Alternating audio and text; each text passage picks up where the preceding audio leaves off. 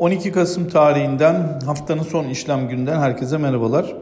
Bugün e, yurt içinde özellikle sanayi üretimi ve perakende satış verilerini yakından takip edeceğiz. Yurt dışında Avrupa'da da sanayi üretimi verisi açıklanacak ve Amerika'dan gelecek Michigan tüketici güveni e, verisiyle haftayı e, kapamış olacağız. E, piyasalarda kısmen pozitif görüntü devam ettiğini söyleyebiliriz.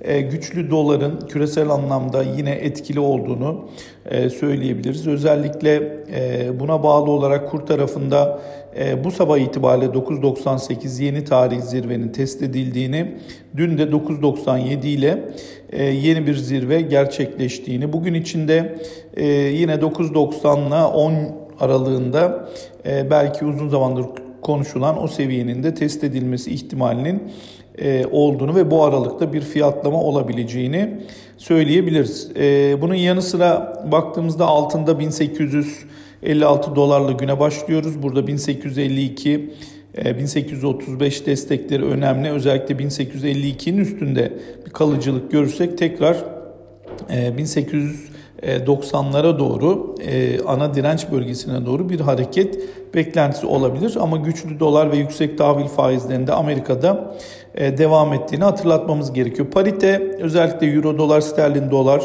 e, euro dolarda 1.15 sterlin dolarda 1.34 bu seviyelerin aşağısına doğru gelindi. Bugün euro dolar 1.14.40'dan başlıyoruz 1.14.20 1.14 ana destek bölgeleri 1.14.50 ve 1.14.70'te gün içi yukarıda görebileceği seviyeler gibi gözüküyor. E, borsaya geldiğimizde Borsa İstanbul 1625 seviyesinden dün kapattı. Ee, bir kapanış gerçekleştirdi. Burada da 1590-1600 seviyesi aşağı kırılmadığı sürece bugün bir pozitif başlangıçla birlikte özellikle yukarıda 1640 ve 1675 dirençleri orta vadeli devam ettiğini ve gün içerisinde de 1610-1640 aralığında hareketine devam edebileceğini düşünüyoruz. Herkese bol kazançlar, iyi günler diliyorum.